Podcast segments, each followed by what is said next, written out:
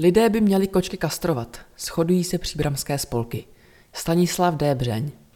Anglické přísloví prý praví, kočka má devět životů. Tři si hraje, tři se drží doma a tři se toulá. Toulající se kočky v mnoha lidech nevzbuzují příjemné dojmy. Někteří se obávají šíření nemocí, jiní vidí za každou kočkou u frekventované ulice potenciál pro dopravní nehodu, dalším je bezprizorních zvířat líto. Zkušenější chovatelé si představí kupu nechtěných koťat za pár měsíců. Město dlouhodobě vydává nemalé částky na kastraci koček. V loňském roce proplatilo 119 kastrací, které včetně léčby, vakcinace a dalších souvisejících nákladů stály přibližně 440 tisíc korun. Přesto volně žijících koček v příbrami neubývá. Co s tím lze dělat?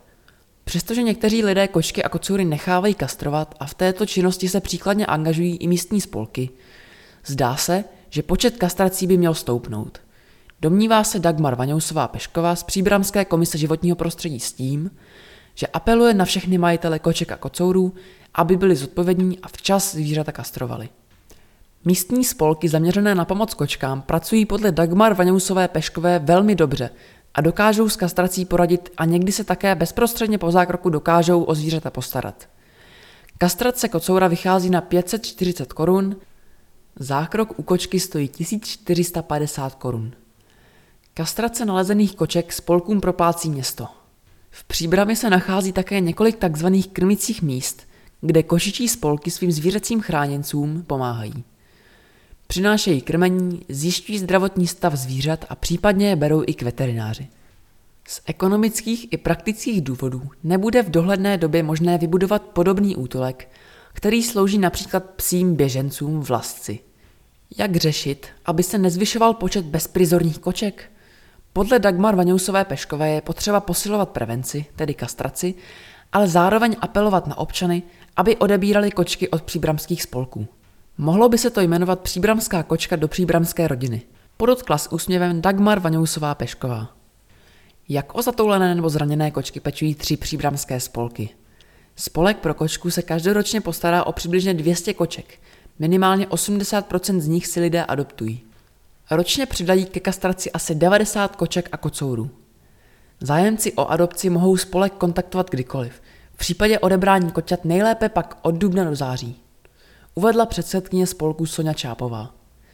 Spolek příbramské kočky oficiálně vznikl 13. září 2019, avšak samostatně pracuje od července 2019, kdy se jeho členové odpojili od spolku pro kočku.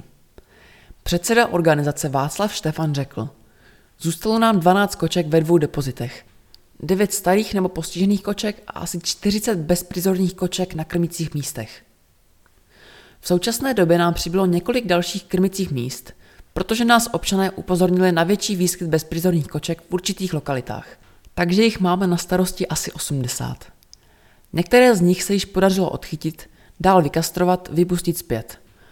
Pokud je kočka plachá a tudíž nevhodná k adopci a sledovat jejich zdravotní stav.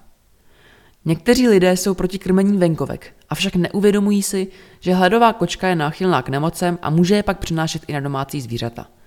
Upozornila členka spolku Jarmila Potůčková.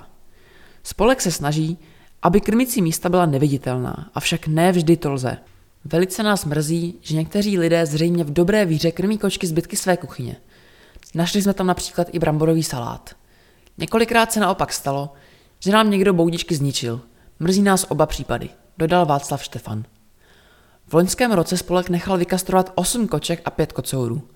Letos do konce srpna to bylo 28 koček a 22 kocourů.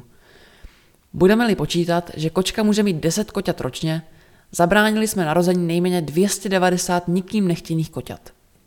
A pokud by z nich jen polovina přežila, jistě si dovedete představit, o kolik by se zvýšil počet bezprizorních koček ve městě, vysvětlila Jarmila Potůčková. I v případě tohoto spolku si lze kočku osvojit celoročně. Koťata pak v období od května do října. Členové združení kočky do nových domovů dovezou, aby se přesvědčili, v jakém prostředí budou žít. Spolek Kočičiny je spíše menší a má tři členy. V letošním roce i přes problematické období spojené s karanténou nechal kastrovat 14 koček a kocourů, leden až červen. Za stejné období prošlo péčí dohromady 20 koček.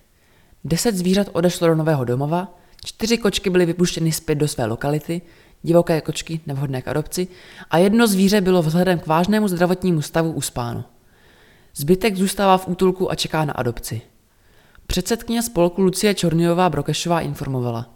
Nám i ostatním příbramským spolkům se podařilo celkem úspěšně eliminovat obrovské kolonie 20 a více divokých koček, které se zde nacházely. Pokud se nějaká další vyskytne, jedná se spíše o rodinku, například kočka a odrostlá koťata, která také již zabřeznou a porodí koťata. Postupně se snažíme tyto kočky kastrovat a buď vypouštět zpět do lokality, či umístit do adopce. Předsedkyně spolku upozornila, že přemnožení koček v určité lokalitě lze téměř vždy přičíst na vrub lidí. Dopustí množení svých koček, situaci nezvládnou a řeší to vyhazováním nechtěných koťat.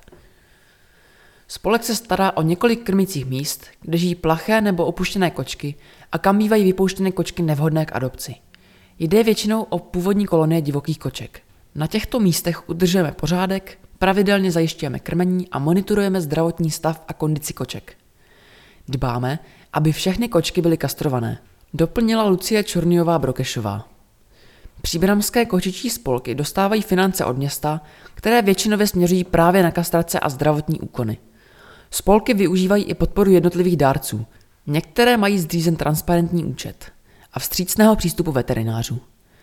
Institucionální podporu, práci dobrovolníků a úsilí zvěrolékařů by tak mohlo korunovat už jediné. Zájem lidí o to, aby jejich kočičí souputníci trávili méně času svými třemi toulavými životy.